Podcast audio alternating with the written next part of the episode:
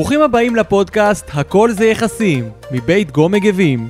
תוכנית העוסקת בתרבות של יחסים בכל זירות החיים. יהודה אטיאס, שרון רנדליך ועמרי גפן יראיינו את האנשים המובילים בתחומם וידברו על הצלחות, מנהיגות, שאיפות וקבלת החלטות.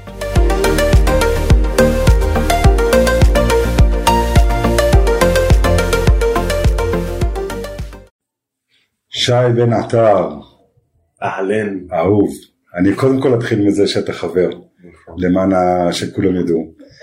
ואני אגיד דבר נוסף, שבעיניי אתה גם נתפס, זה רק חלק מהספקטרום, אתה באמת באמת האדם שמבין יותר מכל אחד אחר את הנושא של לימוד בני נוער. אה, וכשאני הייתי צריך את העזרה במקום הזה, אז אתה היית הכתובת, וזה בהחלט הוכיח את עצמו. אז אה, אני מתחיל מההכרה, הערכה ואהבה. באמת על הקרמה הזאת שלי בחיים, שזה מה שאני עושה, וזה התרומה שלי לעולם. כן, עולם מעניין העולם הזה של, אה, של תחילת שלב ההתפתחות האינדיבידואלית. אוקיי, לפגוש אנשים בנקודה הזאת. יש משהו מאוד, אה, גם, גם קרוב ללב וגם מאוד מאוד גמיש. אוקיי.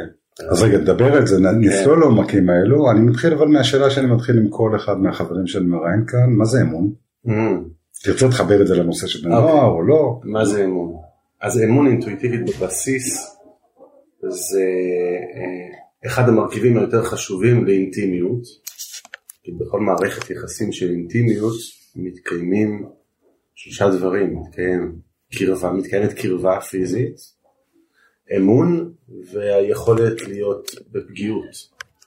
ואני חושב שלאנשים יש, הם יודעים להגיד כמה מערכות יחסים אינטימיות, או כמה מערכות יחסים של אמון באמת יש להם. נשאל את עצמנו, אוקיי, כמה אנשים או כמה מערכות יחסים אה, יש לנו מערכת יחסים של אמון עם אנשים שיש לנו אמון איתם. אז זה ברמה של יחסים. דבר נוסף, רגע, זאת אומרת, אתה אומר ברמה של יחסים, אמון מתחבר לאינטימיות ולקרבה, וזה משפיע על יחסים. כן, אוקיי, בוא נגיד קודם כל שאמון הוא לא ברור מאליו שיש לי מערכות יחסים שיש בהם אמון.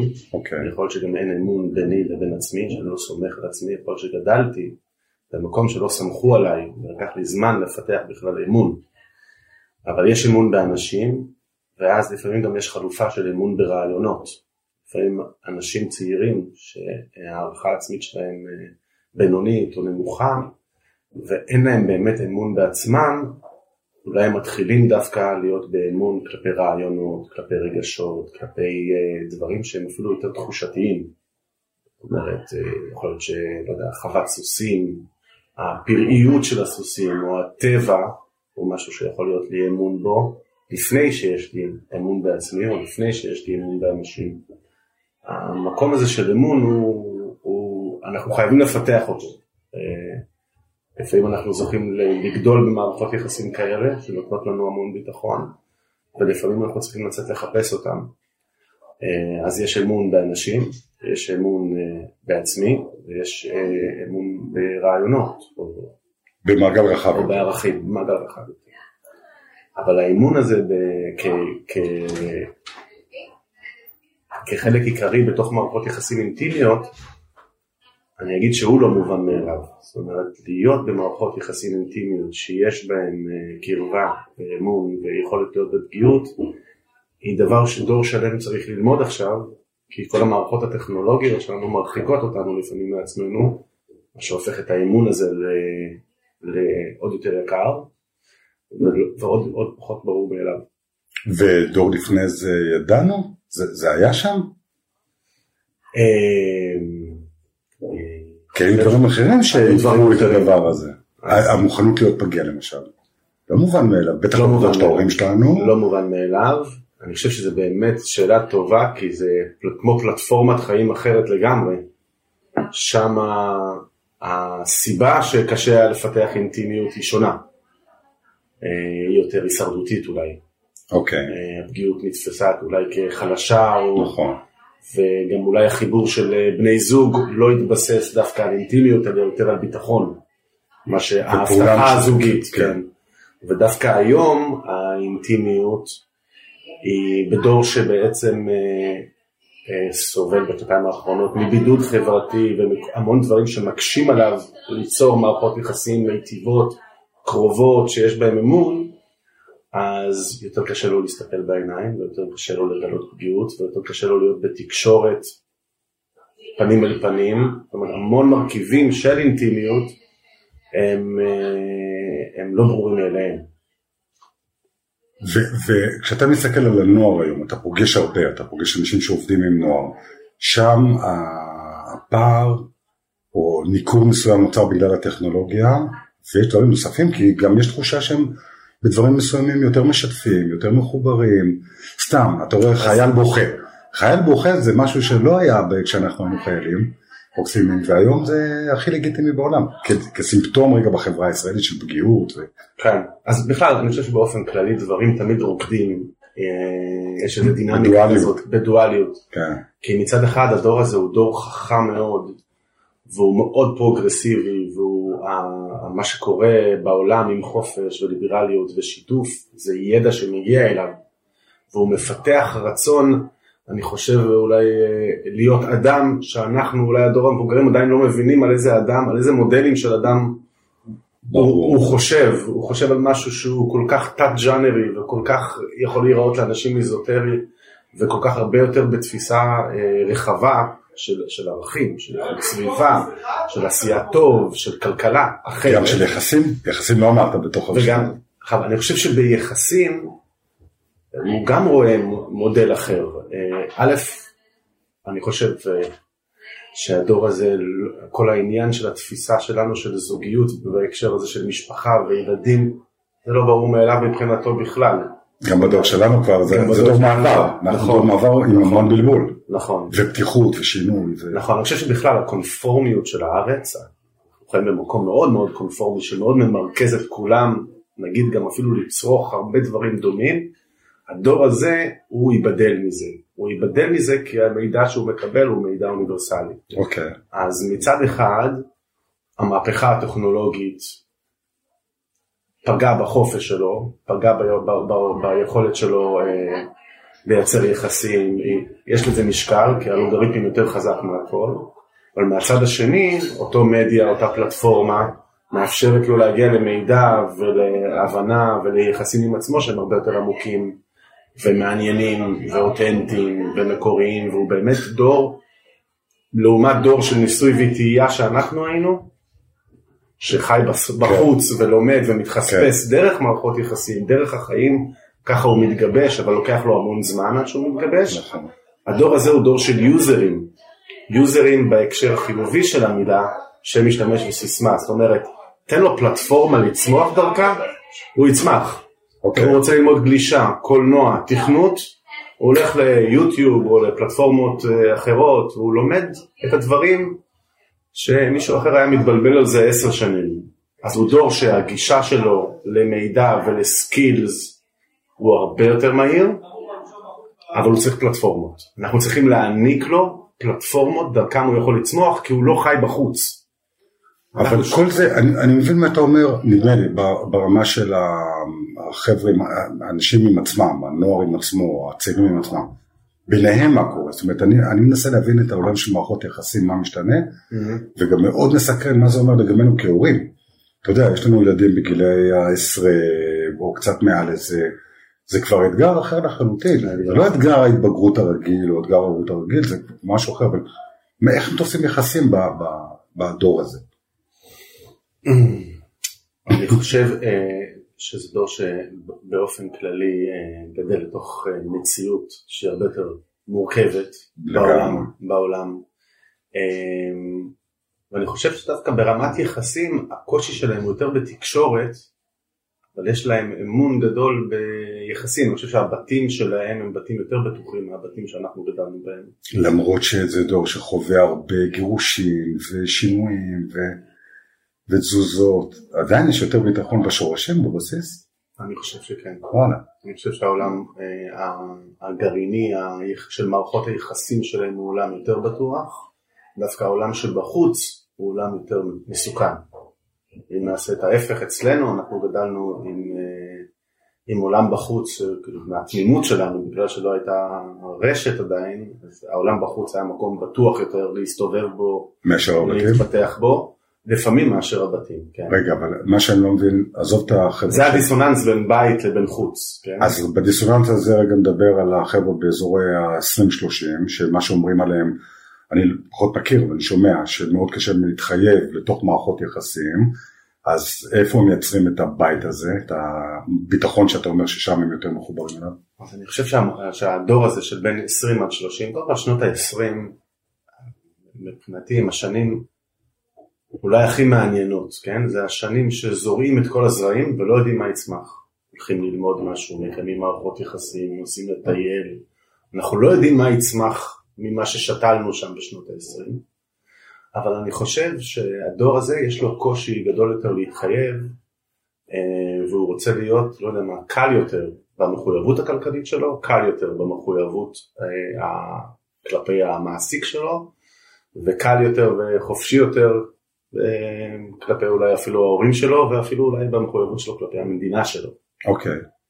הוא, החופש שלו, הוא, הוא, מכיר את, הוא מכיר מה שיש לעולם להציע יותר מאשר הדור הקודם, והוא מכיר את המגבלה של אולי אה, לבנותה משפחתי, הוא מכיר את המגבלה של להיות, להתחייב הרבה שנים למעסיקים, היום זה לא קיים, אנשים עוברים נכון. עבודות נורא נורא בקלות.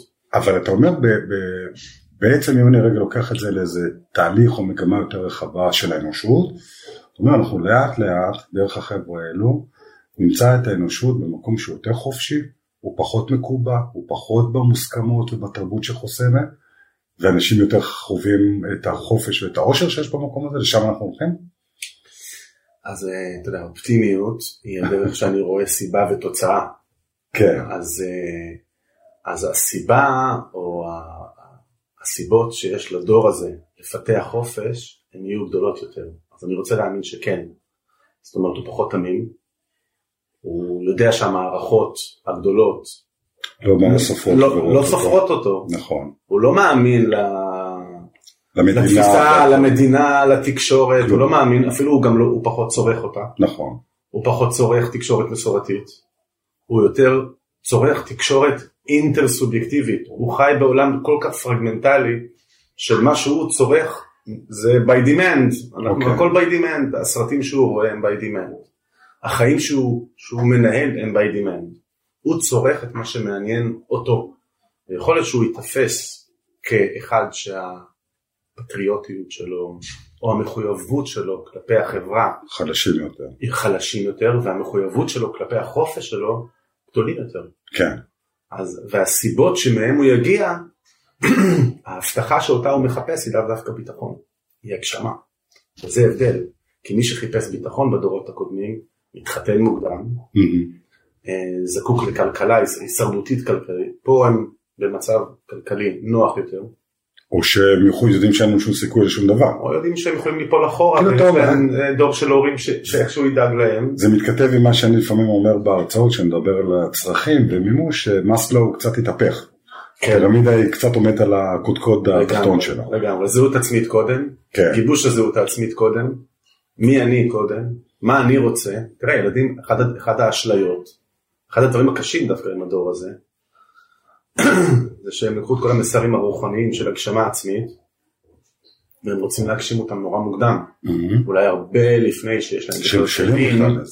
בשלים, שיש להם כלים, אתה יודע, מ- עבר, אנחנו עברנו ממודרניזם לפוסט מודרניזם נכון. לפוסט פוסט מודרניזם, נכון. אבל אנחנו מבינים מודרניזם, כן. אנחנו מבינים צורות קלאסיות של חיים.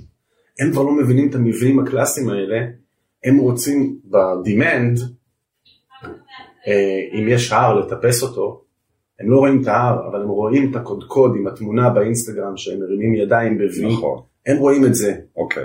וסף התסכול שלהם הוא הרבה יותר נמוך, זאת אומרת הם פחות, אז הם יחליפו עבודה, אז הם. יזוזו. אז הם פחות רואים את הדרך, את השביל בדרך לפסגה. פשוט הם פחות מוכנים להתאמץ. פחות. מוכנים לעשות את הדרך המסורתית שאנחנו הקלאסית, שאנחנו מאמינים שחכם השביל מן ההולך בו. נכון. אנחנו נלך בשביל, לא יודע מה יקרה, שנות ה-20, נכון. אני למדתי אומנות. אני הסתובבתי בעולם אחרי כן, קבע. לא שאלתי את עצמי לאן זה יתפתח. כן. אני אספתי ב... בסל שלי מה שאספתי. מזכיר לי, אני למדתי שנה נגרות. לא היה לי מושג לאן זה הולך, כן? קודם כל ה nineties היו שנים מאוד ליברליות, אבל, אוקיי. אה, אבל כאן מדובר על דור אה, שא', תחשוב כל העניין של אה, כלכלה, ואיך אנחנו תפסנו כלכלה, אנחנו חשבנו שאנחנו צריכים ללכת וללמוד ידע מסוים כדי שהמערכות, החברה בחוץ תקבל אותנו. הבן שלי סתם הוא, הוא לומד סייבר בתיכון. אה, גיסי יש לו חברת תכנות. כן. עוד שנייה הוא מעסיק אותו בי"א כבר, הוא יכול לעשות 20 אלף שקל בי"א. לא צריך תואר ראשון ושני. לא, הוא לא צריך תואר ראשון ושני, הוא לא צריך את החברה שתגיד לו מי הוא. נכון. הוא לא צריך לעבור דרך המבנים המסורתיים שאתה, שאנחנו קבענו שככה מתפתחים.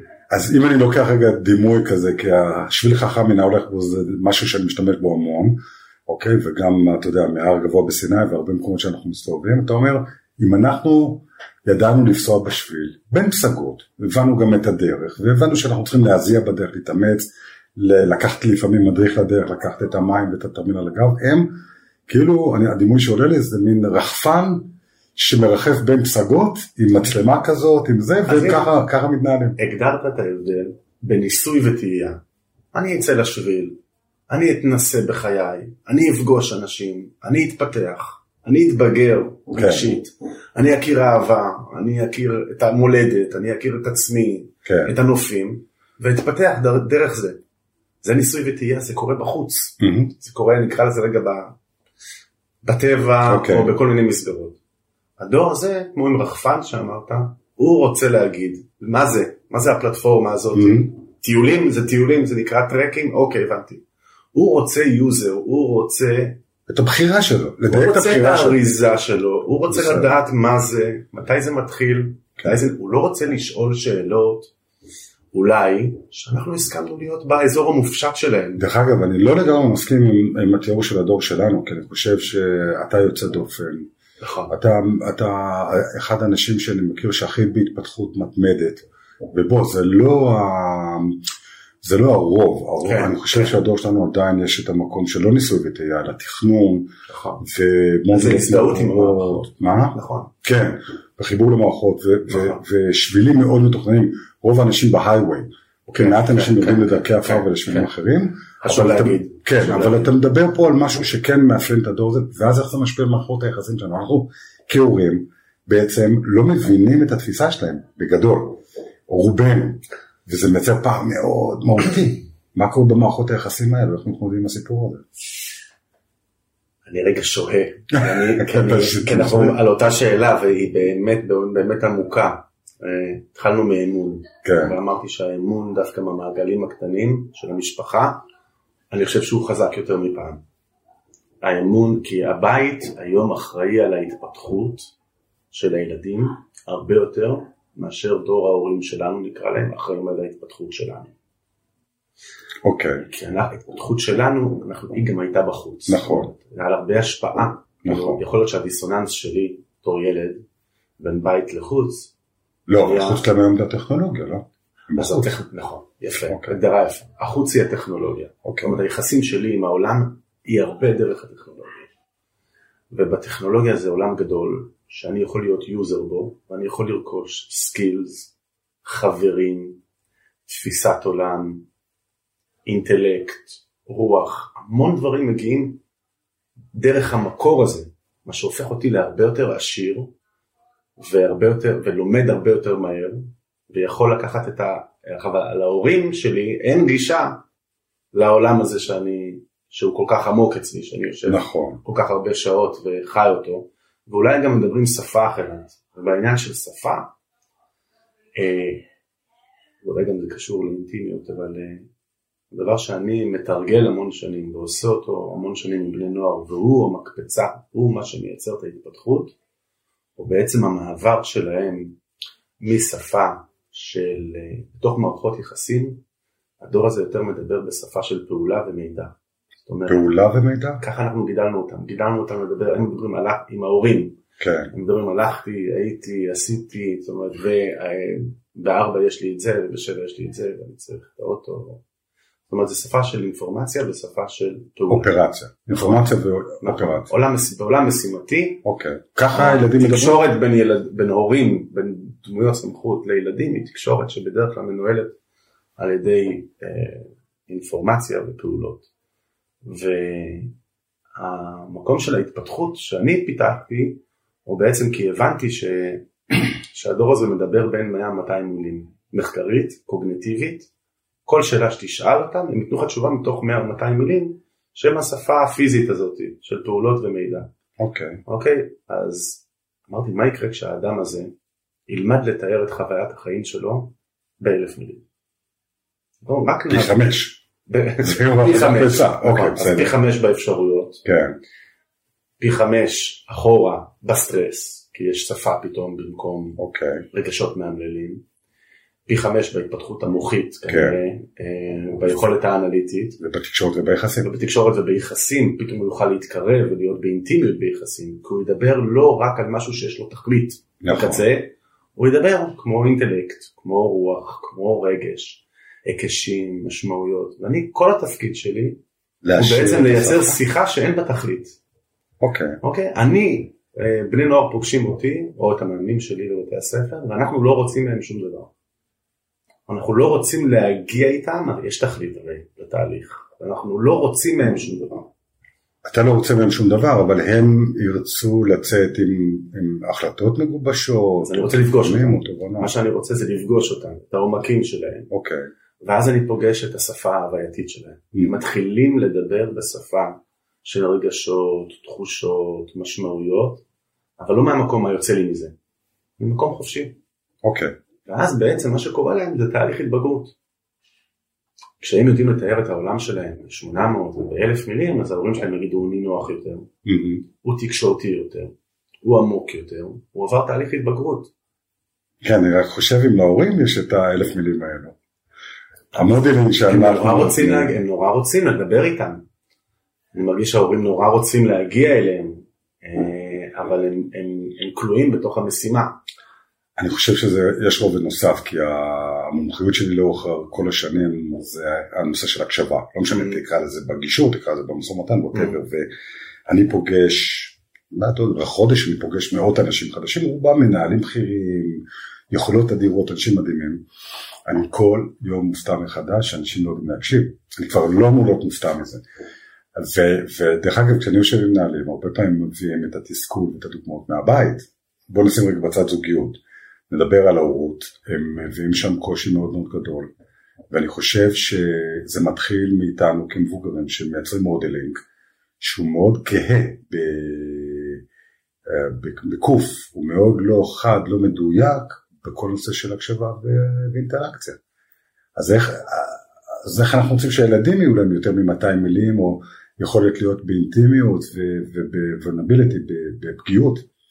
אנחנו לא מביאים את זה שם.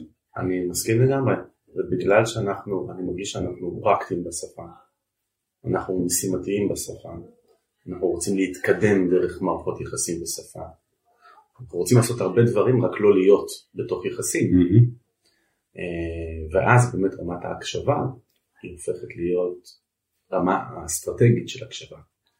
ואיפה שאני אסטרטגי, אני לא יכול לפגוש יושרה, אני לא יכול לפגוש הוויה, אני לא יכול לפגוש את מי שאני, כי אני כל הזמן אמור להגיע לאנשהו. וזה אני חושב ה...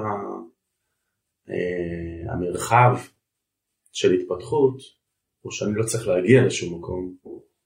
אני מתרגל, אולי זה נשמע כזה רוחני, אבל זה, לא, זה אני מדהים. מתרגל בלהיות כאן ועכשיו, אבל האנשים האלה שלא מקשיבים, אנחנו קוראים להם, או שלא מתורגלים בהקשבה, הם אה, יגיעו למרחב כזה, והם אה, יכול להיות אה, יישארו אה, בלי מילים, שזה מדהים. שזה, ומשם זה יתחיל, ואז אנחנו בעצם נפגוש גוף, כן. ואז אנחנו נפגוש רגש, ואז אנחנו נפגוש קונפליקט. אה, כי זה שפה- רוח כן. והוויה, נכון. כן, הכל. אז לפגוש אדם זה לפגוש אותו בלי שאני באמת, אולי ריקות היא הבסיס להקשבה, ובריקות אני לא רוצה ממך כלום, אני רוצה לפגוש אותך. וזה זה- קורה לנו כשאנחנו מטיילים, כשאנחנו מנותקים כאילו מעשייה, נכון. זה קורה לנו ואנחנו מכירים את זה וזה יקר ואנחנו אוהבים את זה, אבל יותר קשה לנו לקיים את זה ביחסים אה, עם הילדים שלנו. ובכלל. ובזוגיות ועם עצמנו. נכון. להיות במקום שאני לא מקדם שום דבר. שאני בביל ולא בטוח. כן. אז אני אגיד שזה פשוט, זה שתי מוחות. יש מוח אחד, שכל התפ... הוא מוח מתאמץ, הוא המוח האנליטי, שהוא מוח מתאמץ, הוא כל הזמן התפקיד שלו זה לחשוב על העתיד ולתכנן את העתיד ולקדם דברים ולקבל החלטות. הוא קובע מה צריך לעשות, כן. הוא גם קובע מה לא צריך לעשות, זאת אומרת הוא יכול לפעול בניגוד מוחלט לערכים שלו. Mm-hmm. הוא השסתום הזה שמחזיק את הכל ומחליט לכאן ולכאן, והוא מוח לינארי שיכול להחזיק בעת ובעונה אחת מחשבה אחת. כן. והמחשבה האחת הזאת היא דפוסי ההתנהגות הכי עמוקים שלו, הכי מקובעים שלו, והמוח המתאמץ הזה הוא יכול לחשב תרגיל מתמטי לדוגמה, אבל כשאתה מחשב תרגיל מתמטי, נגיד 6 כפול 42, אתה צריך לנתק mm-hmm. כל מה שקורה, וכל המוח הענק הזה, כל מה שהוא יעשה עכשיו זה תרגיל מתמטי 6 כפול 42, הוא יסדר את זה בצורה ענקית. כן. כדי שהוא יוכל לחשב את זה. שהמוח הזה קצת פחות רלוונטי לעולם המורכב שאנחנו מתמודדים איתו היום. זאת אומרת הוא, הוא בסדר, הוא חשוב לעולם מסובך ולפתרון בעיות. הוא, השפה, הוא, הוא המוח השפתי, הוא מתקדם בקצב של שפה, אז הוא גם איטי. אז הוא, הוא איטי, והוא מתאמץ. אבל זאת השפה של הפתרונות, נכון? נכון, והוא בעיניי הוא, הוא תמיד רלוונטי. מה שרלוונטי זה האם הוא מצליח בקשר עם המוח השני. אוקיי. והמוח השני הוא המוח האינטואיטיבי, שהוא בכלל, עם הצורה הגרפית של המוח האנליטי הייתה כמו קבקוב כזה, עם המחשבה הראשונה, זה כמו שרוול, אם נזיז את המחשבה הראשונה תבוא מחשבה שנייה, תתפנה, אם אני אסיים 6 כפול 42, תבוא עוד מחשבה. אז תבוא המחשבה השנייה, זה כבר הגמישות הפסיכולוגית שלי, האם אני מסוגל לשחרר קודם כל את המחשבה הראשונה החזרתית הקבועה. המוח האינטואיטיבי הוא כמו רשת, mm-hmm. ואני אגיד אדום או אני אגיד אה, אה, ישראל, או אסוציאטיבית, mm-hmm. הוא מוח מאוד מאוד מהיר, כשאני חוצה רחוב ועוברת נערה עם שמלה אדומה ופתאום מישהו טוחן את הגרעינים של הקפה, הוא מריח, הוא חש, הוא הווייתי, הוא קורה כאן ועכשיו, קוראים לו מלא דברים אסוציאטיבית, הרוב הזמן אני לא בקשר איתו, כי uh, הוא אמור להביא פקודות למוח האנליטי כדי לקבל החלטות, אבל אם אני נשוי אז נערה באדום שחוצה לא רלוונטית, וגרעיני כן. קפה כבר שתיתי, אז הוא ניטרלי, רוב הזמן הוא חווה חוויות שהוא לא, הוא לא בתשומת לב, ברקע, כן. כן, הוא לא בתשומת לב שהם קרו בכלל, אבל הוא מוח מהיר, עשיר, כן. שאם היינו מאמנים אותו אינטואיטיבית, היינו מגלים כמה אנחנו באמת חכמים, אה, וכמה דברים קורים ביני לבין עצמי וביני לבין העולם, שהם לא הופכים בסוף למשימה. שזה התהליך שאתה מדבר עליו עם דן אור. זה, זה, זה, זה, זה העולם האינטואיטיבי הזה, יש לנו אותו, הוא פשוט לא משוכלל מספיק. אוקיי. ואנחנו משכללים אותו דרך יצירת שפה ומשמעות ומיקוד שעד עכשיו לא התבוננו עליו, אבל כשהוא גדל מה-200 ל-1000 מילים, אז יש לי ביטחון ויש לי פחות סטרס, אני בעצם מנהל את הגוף שלי ואני מנהל את הרגשות שלי. והדבר שהכי קשה לאנשים זה לנהל את הרגשות שלהם במערכות יחסים. כן. כשאני מקשיב ואני מבין שיש פה אתגר, כי זה פעם אחת משהו שאני צריך לעשות פנימה עם עצמי, לעשות את ההשתקה רגע של המוח האחר ולאפשר, לתת מקום, לתת מרחב לדבר הזה, שזה יכול לקרות בכל מיני אמצעים ובהתפתחות ובטבע והכל, ופעם שנייה זה לעשות את זה בשיחה איתך. זאת אומרת, מה שקורה לנו בתוך מערכות, בתוך אינטראקציות, שאנחנו לא יודעים באמת להשתיק את המוח שפותר ומוח שמגיב. ואני אני, נגיד בספר יש פרק שנקרא, בספר על השיתופי פעולה שכתבתי, יש פרק שנקרא אינטליגנציה שיתופית, ואני מדבר שם על רמות של הקשבה. לרמה הזאת שהיא הרמה באמת העמוקה ביותר שאני בא ומציע את האפשרות שזאת הרמה שהכי בונה את הקשר של אמון, של אינטימיות, של מערכות יחסים, אני קורא לזה unsselfing. אני לא רלוונטי בשיח הזה. אני רגע משתיק לגמרי את כל, ה, כל האורות הפנימיים שלי, כל הזה, כל המנגנונים, ואני אך ורק עם הצד האחר בצורה מלאה. עכשיו רגע, אני רוצה לשאול פה, אתה, אתה עושה את הדבר הזה בני נוער, והצוות שלך וכך הלאה, ועם ההורים, אני שוב חוזר לאינטראקציה מול ההורים, וההורים לא יודעים את זה, וההורים עדיין באיזשהו פורמט אחר. עם קושי מאוד גדול בהקשבה. זה לא מגדיל את הפער, אתה נותן לילדים האלה כלים אדירים להמשך ועבור עצמם, אבל באינטראקציה מול ההורים, שהיא מורכבת גם ככה, זה לא מגדיל את הפער ומחזק את התסכול של בני הנוער מול ההורים שלהם בתקשורת הזאת. פתאום נער יוצא מתהליך כזה עשיר, עם יכולות, וההורים שלו לא בהכרח במקום הזה. לא, אז אנחנו בעצם, תראה, התהליך התפתחות, השלב התפתחות של אותו נער הוא שלב הזהות האינדיבידואלית. כלומר, כן. מגיל 6 עד 12 השלב הוא שלב החוויון, החוויה. כן. ובשלב של 6 עד 12 הילד יחפש את האישור של הבית, של הערכים של הבית, את האישור של ההורים. אוקיי. לאור זה הוא פועל בדרך כלל. משם הוא צומח? זה המוניע, כן, מניע מאוד חזק. מאיזשהו גיל, כן, כי הוא משתנה אצל כל אחד, אבל זה כמו נקודת מפנה של בת מצווה בר מצווה. זה כן, לא סתם. משהו כזה באזור הזה, למרות שזה יכול גם להתפתח הרבה יותר מאוחר. בסדר. אה, בבתים מאוד מגוננים זה מתפתח יותר mm. מאוחר, שהאישור והריצוי עדיין עובדים חזק עד גיל מאוד זה, ולעומת זאת בתים, אה, אה, לא משנה, לא ניכנס לזה, אז השלב הזה הוא שלב ההתפתחות האינדיבידואלית. בשלב ההתפתחות האינדיבידואלית אני צריך זהות.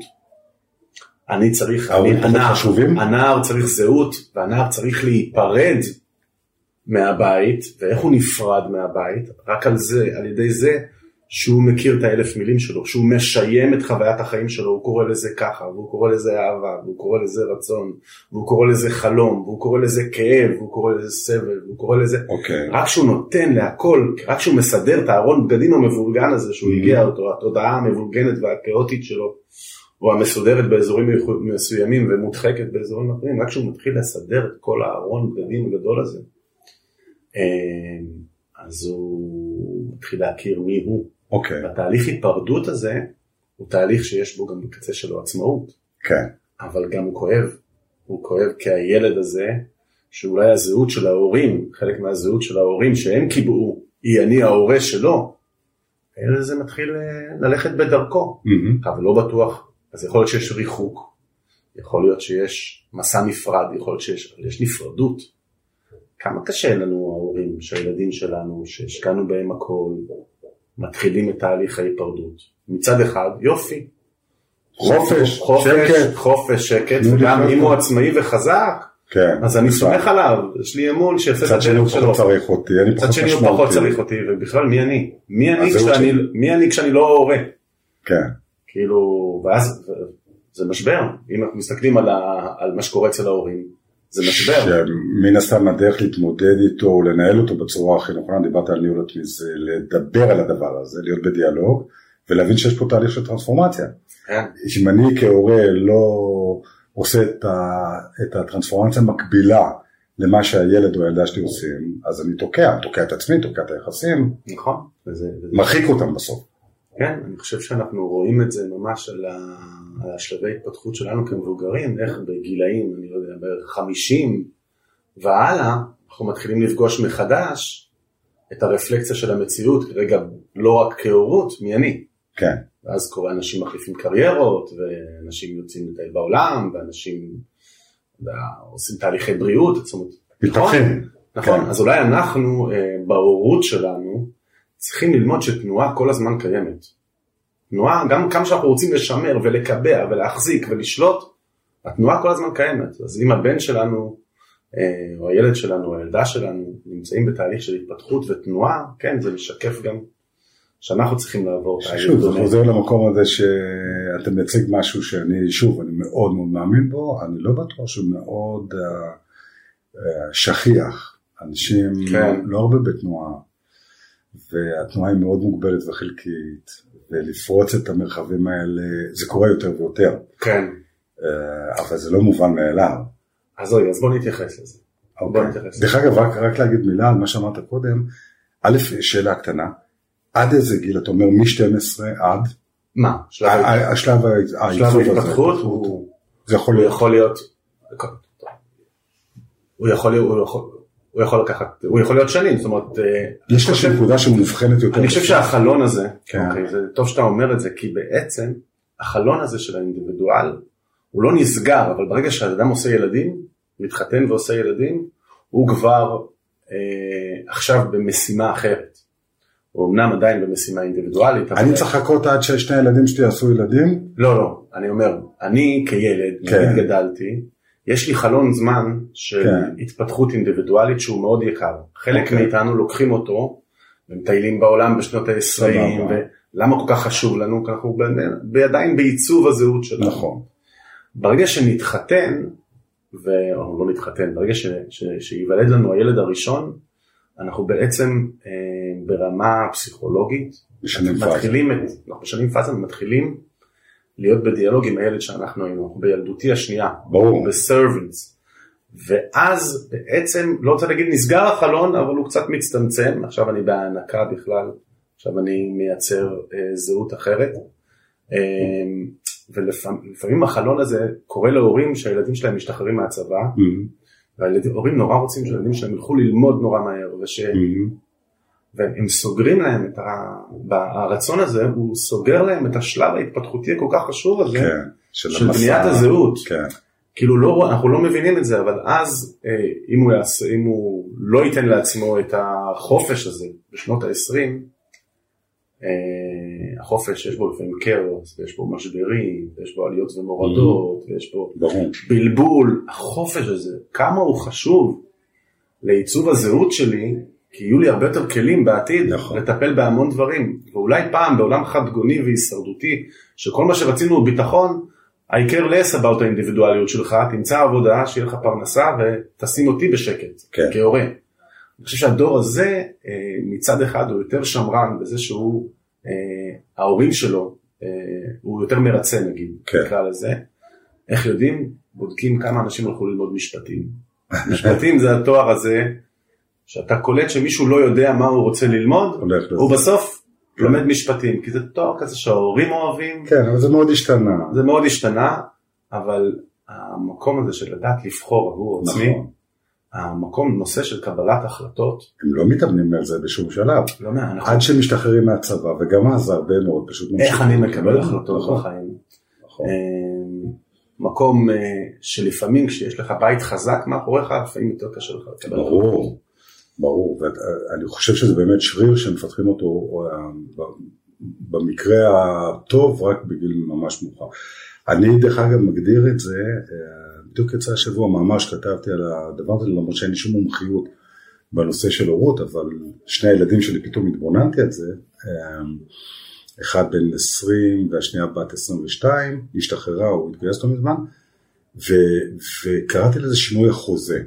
בעצם אנחנו משנים את החוזה בגילאים האלו, איפשהו באזור ה-18 עד אני מניח 28-30, שינוי החוזה במובן הזה שהילד זקוק לנו לא פחות משהוא קרא לנו בעריסה, הוא רק Mm. קורא לנו בצורה אחרת לגמרי, כן. ואנחנו לא תמיד יודעים לזהות את זה, ואנחנו גם הרבה פחות פנויים לזה, כי אנחנו רוצים לממש את עצמנו, להיות בחיים שלנו, והחוזה הזה יכול להיות מאוד מאוד מאתגר. אבל יש שינוי. מה הוא רוצה בחוזה הזה? מה הילדים צריכים בשנות ה-20? לדעתי, כן. לוודא שאתה שם איתם עד הסוף ואתה הגב שלהם ויש להם את הבסיס הזה, בלי שהם ינכיחו את זה ביום יום, אבל אם פתאום באמצע הלילה מכל מקום בעולם הם צריכים אותך, לא משנה אם זה לשיתוף רגשי או זה שתשלח להם מסוק חילוץ, הם רוצים שתהיה שם בכל מחיר, בכל אמון. מצב, אמון. אמון, אמון. אבל אמון של אנשים מבוגרים. זאת אומרת, נכון. מצד אחד אני חופשי לגמרי לחיות את חיי, אבל הדיפולט זה אתה. נכון, אבל זה. שהוא, של אנשים מבוגרים שהוא ברמה העמוקה הזו, רק בין הורים לילדים. לא חושב שהוא בין זוג ברמה הזאת, זה משהו אחר לגמרי. נכון, אז בעצם הם מרשים לעצמם להיות עדיין הילדים שלנו בשנות ה-20. בדיוק. שאנחנו לא רגילים שם, לזה. בדיוק. אנחנו חשבנו 18, יאללה, סלמת. מתחילים לחיות. כן, אנחנו חשבנו על זה גם בהקשרים כלכליים, אבל זה לא בהקשרים כלכליים, זה ממש בהקשרים רגשיים. לגמרי. זה ממש בהקשרים רגשיים. אולי, כי הם, אולי בגלל החוסר מסרותיות הזאת. אתה יודע, אתה נשאר הילד של מישהו עד סוף חייך. כן, זה לא נגמר בגיל 18. נכון. ולעד זה טוטאלי. מה זה? וזה טוטאלי לעד. כן. גם אם אנחנו לא... כן, זה- אולי זה. מערכות, וזה משנה משהו בתפיסה המסורתית שלנו. נכון. אני לא מגדל לגיל ילדים לגיל 18 כדי שיעזבו את הקן, ואז השתחררתי אה, כן. מהעול של לגדל ילדים. שזה קטע. וזה מקסים שסגרת את זה באמון. זה בסוף חוזה מחודש, שהוא שוב מנכיח את האמון כדבר מרכזי. דבר מהותי בוא וקריטי. נחשוב על זה שאנחנו מתבגרים, אפילו אנחנו עושים ילדים, אנחנו עדיין הילדים של מישהו. כן. אז בעצם הילדות הזאת שאנחנו כל כך רוצים לשים מאחורינו, היא נמשכת כל החיים. עד שאנחנו יתומים. וגם אז לא תמיד זה סגור. אתה יודע, אז לא ילדים שאחד ההורים שלהם לא עלינו נפטר. תגיד לי אתה, בתיאוריה, אם ילד יש לו אבא שנפטר כשהוא היה בן שלוש, ארבע, עשר, יש לו מערכת יחסים עם אותו אבא? ברור. היא יותר דומיננטית מכל מערכת יחסים אחרת. והמון פעמים אנחנו לא סוכמים את המעגלים האלה. הילדות זה דבר מקסים, והוא מקור ל, ל, לידע וחוויה כל כך עשירים. כל שיטות הטיפול שאני מכיר בסוף רק רוצות לחזור לשם, להצליח להיות כאילו בכאן ועכשיו, אבל מה יפה? הילדות היא לא בעבר, כן, היא שוכנת בתוכנו, זה כמו בבושקות כאלה. כן. כל החלק של ההורי ילד, ההורים שאני עובד איתם בקליניקה, אני אומר להם, אני מכיר את כל הקליפות והאריזות שככה קיפלת בפנים, לא, בוא נדבר ישירות.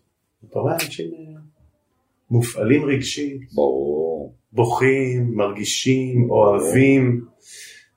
אנחנו, הילדות שלנו היא, היא, היא משאב יקר שיש בו את כל ההתפעלות שלנו מהחיים, שיש בו את כל הכאב שיש לנו מהחיים, שיש בו את כל מערכות היחסים הראשוניות שלנו עם אהבה, עם מיניות, עם אוכל, עם טבע, אינטימיות. עם כן. אינטימיות, הכל שם ביחסים הראשוניים. כי תחשוב בפעם הראשונה שאתה חווה משהו, לעומת הפעם, אנחנו כמבוגרים, כן. כדי להפעיל את המערכת החושית שלנו, וואו איזה עבודה, אנחנו צריכים לנסוע עד קצה העולם, לקלף את כל הקליפות שלנו כדי שנרגיש. כן, ילדים הם מרגישים בעוצמות כאלה גדולות ואנחנו רוצים יותר, שיהיה להם אה, נגיד יותר סדר. נכון. וזה נכון שבאמת המקום של סדר הוא מאפשר המון חופש. כן, כאילו אה, סדר וחירות כרוכים זה בזה. חלק מהסידור של האימון הוא באמת לסדר את הארון בגדים האלה. כי הוא מאפשר קרקע שפתאום אני יכול במקום להיות מוגבל על ידה, אני פתאום חופשי ממנה. וחופש הוא נושא מאוד מאוד רלוונטי, הוא א' הוא משנה צורה, מה, ועכשיו הוא מאוד מאוד רלוונטי לדור הזה. אוקיי. ש- שלשאול בכלל מהו חופש, שעל זה התחלת לדבר קודם, נכון. בהקשר שלנו כמבוגרים, לא רק של ה... כן כן כי תראה חופש יש דור המדוכאים נקרא לו, סליחה שאני אגיד כאילו שהיו מערכות שהיה תשובה אחת עליהן, אוקיי? ככה צריך וככה עושים. ואז החופש היה לראות בכל סיטואציה יותר מאפשרות אחת לפעולה, שיהיו לפחות שתי אופציות, אוקיי, ואז חופש הוא בחירה. כן, אני נורא מחובר לזה, המון המון המון שנים, אני כל הזמן שואל את עצמי, בגלל שהמחשבה מאורגנת ככה, שהיא תלך לאותה מחשבה קבועה, אה, אני אומר, איזה עוד אפשרות יש? אוקיי. המקום שמאתגר את ה mind כל הזמן, איזה עוד אפשרות יש? איזה עוד אפשרות יש? זה באמת המקום של חופש. עכשיו פעם, אז הייתה, לא היה לנו חופש בחירה, נגיד לדור ההורים שלנו היה פחות חופש בחירה, כי הם היו יותר הישרדותיים. אחרי זה, אנחנו לימדנו את עצמנו שיש לנו אפשרות בחירה. אוקיי, ואז נתנו שתי אפשרויות אה, שאני יכול לבחור מהן. והדור הזה, אני אגיד שניים לא מספיק. כן, למה? כי כל המערכות המוסדיות, התאגידיות, השלטוניות, הם כבר למדו שאנחנו צריכים חופש אשלייתי. מהמם. הם למדו שאנחנו, שאם הם ייתנו לנו בחירה אחת גרועה ובחירה אחת גרועה פחות. אנחנו ניקח את הגרועה פחות ואנחנו נקרא לה טובה. כן, ואנחנו קולטים, אנחנו בעצם, איך זה יכול להיות שהתפשרנו על כל כך הרבה גרועה פחות בכלכלה, בחופש, ברווחה. והחבר'ה צוות כבר מבינים את ה... ואנחנו אומרים. לא, אני מאושר, כן. טוב לי, כאילו, תראה, טוב לי, כן, בסך הכל, אני. שבע רצון יחסית פה ושם, אבל התפשרתי על גרוע פחות. והסיפור הזה כבר לא תופס. והסיפור הזה כבר לא תופס, א' הוא לא תופס אותי יותר, אני אגיד ברמה. האישית, אני רוצה עוד אופציה, לא גרוע, לא גרוע פחות, אני רוצה מיטיב, טוב, איך אתה מייצר את זה? וואו. א', כל האלגוריתמים של החיים שלנו מסודרים רק לשניים. כל המומחים לכלכלה התנהגותית שגורמים לנו כל הזמן באינטרנט לקנות ולרכוש ולבחור, הם כל הזמן נותנים לנו רק שתי אופציות. ואנחנו נמצאים בסוג של חופש מדומה, שאפשר לקרוא לו כבר לא חופש או דיכוי. איך מייצרים את האופציה הזאת? על ידי תקשורת בין אנשים ולא בין תקשורת עם מהמם. בין האינדיבידואל. אם האינדיבידואל ימצא את עצמו לבד יותר ויותר, הוא לא יקבל את החופש הזה, הוא לא ידע שהוא קיים. אתה מדבר על יחסים. נכון, היחסים ותקשורת הם האפשרות לנו להגיע למס... להבנה מה אנחנו באמת רוצים, כי הדבר שהכי נשחק במאה ה-21 הוא מה אני רוצה. אתה רוצה לבלבל אנשים מבוגרים? תשאל אותם מה הם רוצים. כן, ברור. אני לא יודע מה אני רוצה, אני יודע מה אני לא רוצה, בחשיבה הישרדותית אני יותר עסוק במה אני לא רוצה. ברור, אני לא רוצה כן, להיות זה. בחובות, ואני לא רוצה להיפגע בריאותית, ואני לא רוצה שהילדים שלי יעברו... אה, אה, זה, העיקר שנהיה בסדר. ובישראל יש שפה שלמה שמחזיקה את הגרוע פחות. רגע, שנייה, אה, אה, אתה מדבר על יחסים, אני, אני מצפה כאילו ש... מדבר על חופש של היחסים. חופש, אתה אומר אני יכול להשיג אותו על ידי יחסים, אז אני לגמרי יכול להבין את העניין של יחסים עם עצמי, יכולת הבחירה וסידור ההון וכל העושר הזה והיכולות, אבל נדמה לי שדיברת גם על יחסים בדיאלוג עם האחר, מאוד. איך זה מחובר. כי אתה מבין שרק בתוך יחסים שאני מוכן להיות באינטימיות ובתקשורת עמוקה ומה שקראתי לו ללא תכלית ורק שם אני אתחיל בכלל להכיר במה הוא טוב, במה אני רוצה. שבמקורות אומרים עזר כנגדו, אז אני רוצה רק לאתגר אותך באחת השאלות שהכי מעסיקות אותי עכשיו, אני רואה את זה מכל כיוון אפשרי, יותר ויותר ויותר. בטח גם עם הכניסה של המודל הזה של הסט לעולם שלי ולמרחב שלי. אני חושב שאחד הקונפליקט, אולי הקונפליקט הכי הכי אמ, עוצמתי היום במרחב שאנחנו מדברים עליו, באנושות, שאנחנו חווים כפרטים, זה הקונפליקט בין הבחירה של האדם בעצמו, אני מי שאני ואני רוצה לממש את עצמי ולהיות אני, ובין הבחירה במה שנדרש מהסביבה, שזה יכול להיות עבודה, קהילה, זוגיות, דיברנו על ילדים, ואני רואה יותר ויותר אנשים מתפתלים ונרמסים ונשחקים תחת הקונפליקט הזה, או מתעלמים, אתה יודע, או מכחישים, אבל, כן. אבל זה הופך להיות מאוד מאוד מוחשי, ובהבנה שלי זה עוד לא פתור, הסיפור הזה. ולכן, כשאתה אומר, אני דווקא מרחיב ומגלה ומבין יותר, או מממש יותר את החופש שלי על ידי יותר דיאלוג ויחסים, לא מבין את, את מה שאתה אומר. נראה לי בדיוק הפוך. וואו, לאן אנחנו מגיעים? אה, שיחה קלילה ככה, כן. אנחנו מאוד פילוסופים, אני ואומרים שאנחנו נפגשים, אז אה, כן, אבל בוא, זה ביום יום של, של שנינו ושל כל מי שאנחנו רואים מסביב, ואתה עם מנוע... נכון, אז אני, אז אני חושב ש... אני חושב שהכלי של הקשבה פנימה הוא כלי הכרחי. ברור. כן. אחרי שיש הקשבה פנימה, יש התבוננות על אה, חופש בחירה. נגיד שיש שתי אופציות או שלוש. ואז מתחיל השלב השלישי של העשייה והפעולה, שהוא דורש מאיתנו לפעול בהלימה לרצונות שלנו. מהמם. וכדי שנפעל בהלימה לרצונות שלנו האמיתיים, העמוקיים, אנחנו צריכים קצת לנטרל את הרצונות הקונפורמיים של החברה, או של מה שחשבנו. עזוב את זה, כשאתה מדבר על בת הזוג המקסימה שלך, ואנחנו מדברים על הבן המתוק שלי, זה לא עכשיו הקונפורם של החברה, זה הצרכים שלהם, והרגשות שלהם, והמחויבות שלנו והאמון שיש שם. בסוף אם ניקח רגע את השיחה קודם על Mm. עולים ומתבגרים, כן. אוקיי? אז זה יכול להיות בדיסוננס מאוד עמוק למחויבות שלי עם עצמי ומה אני רוצה לעצמי. כן, כאילו מדברים כל הזמן על איזה יחסי גומלין בין, נקרא לזה האגוצנטריות של העידן הזה.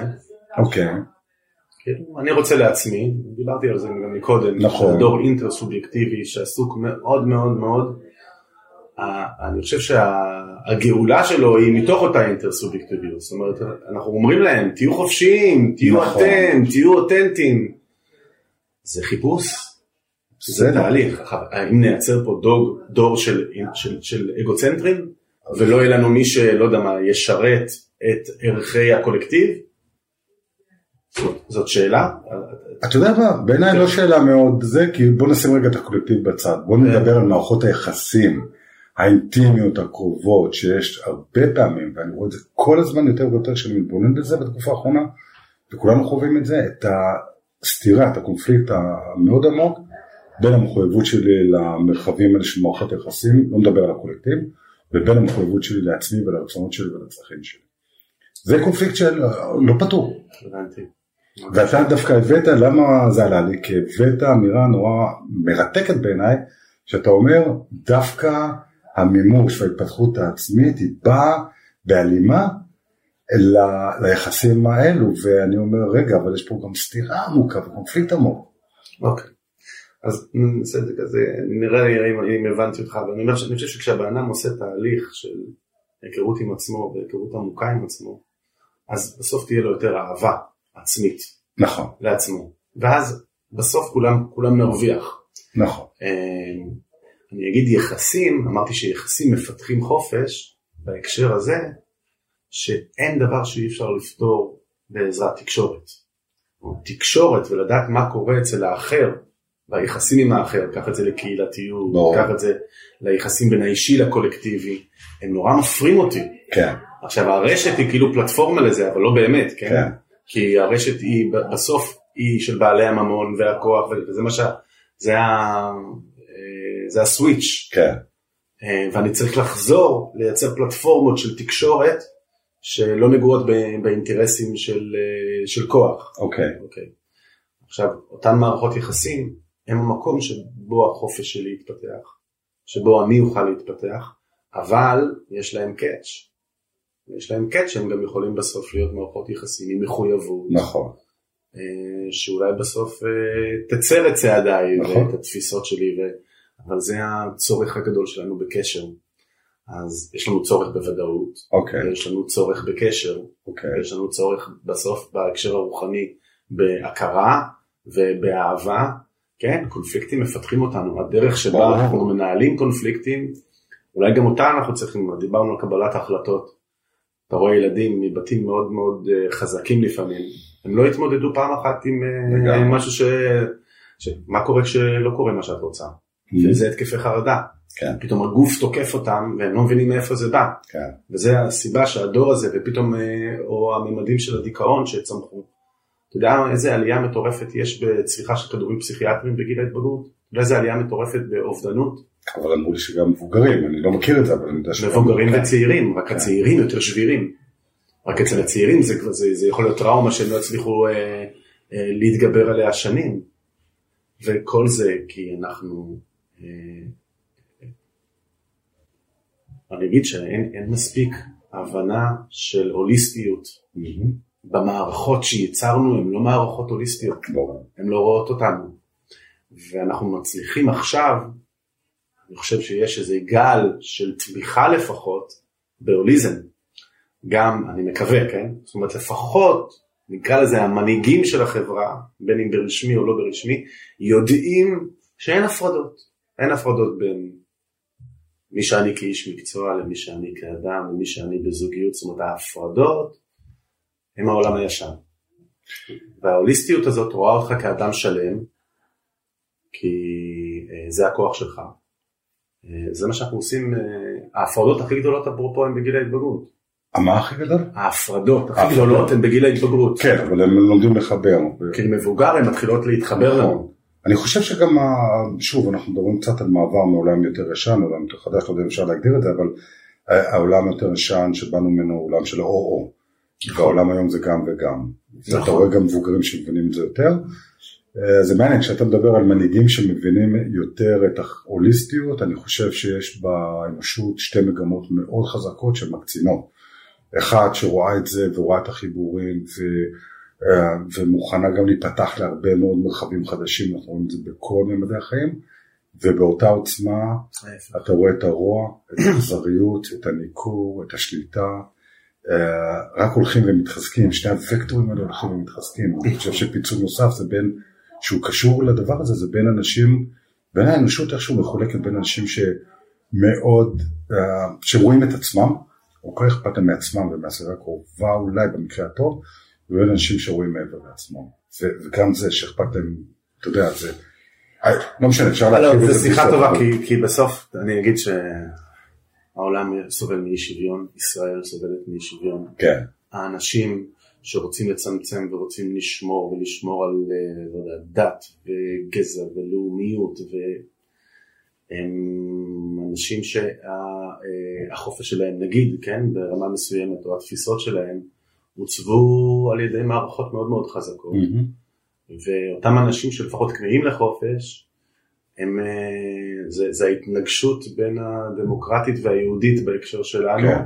וזו התנגשות שקורית בכל העולם. כן. אה, טוב, אנחנו כבר מרחיבים פה עכשיו. מרחיבים.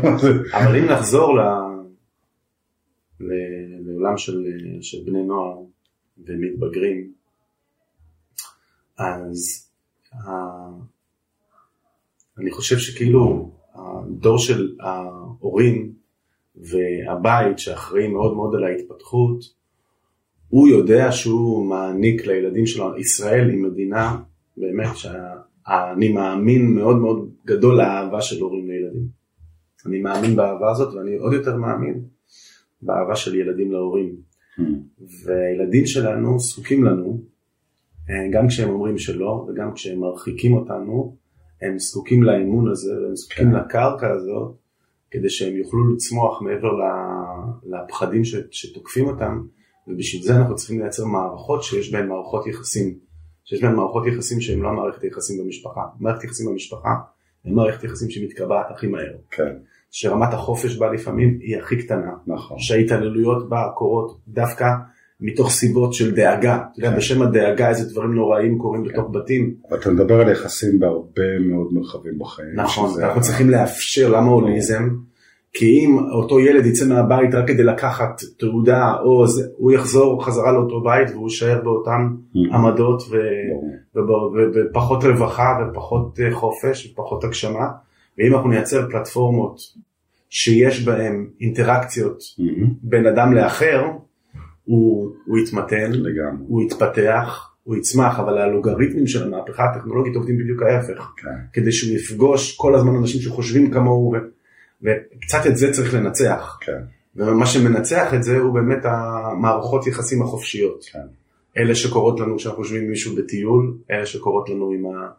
לפעמים הבת זוג שלנו, או החברים שלנו, שאנחנו מצליחים להעמיק נכון. מעבר לשדה הזה של. הפעולה. כן, ואז משהו כל כך מרגש קורה, אני אגיד שהוא מרגש אותי לפגוש אדם אה, בגילי ב-46, אני יכול להתרגש, להתפעל מאדם שאני פוגש בעומקים האלה, זה הדבר הכי, הכי קשר, כאילו, לגמרי. הכרה של עצמי דרך האחר, ובכל מקום בעולם ובכל בכל מקום בעולם. סיטואציה. איך נייצר פלטפורמות של תקשורת, של כן. יחסים, שהן חופשיות מהרצון שלנו לקבע זהות. כן.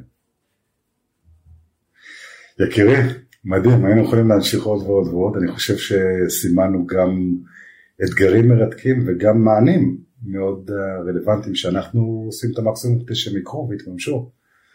ואהבתי, ואוהב, והמון המון תודה. איזה כיף, נהדר, תודה. זה כיף. תודה רבה שהאזנתם. מוזמנים לשמוע אותנו גם בספוטיפיי, אפל פודקאסט, גוגל פודקאסט, באתר שלנו, gomegevim.co.il, בלינקדין ובדף הפייסבוק שלנו.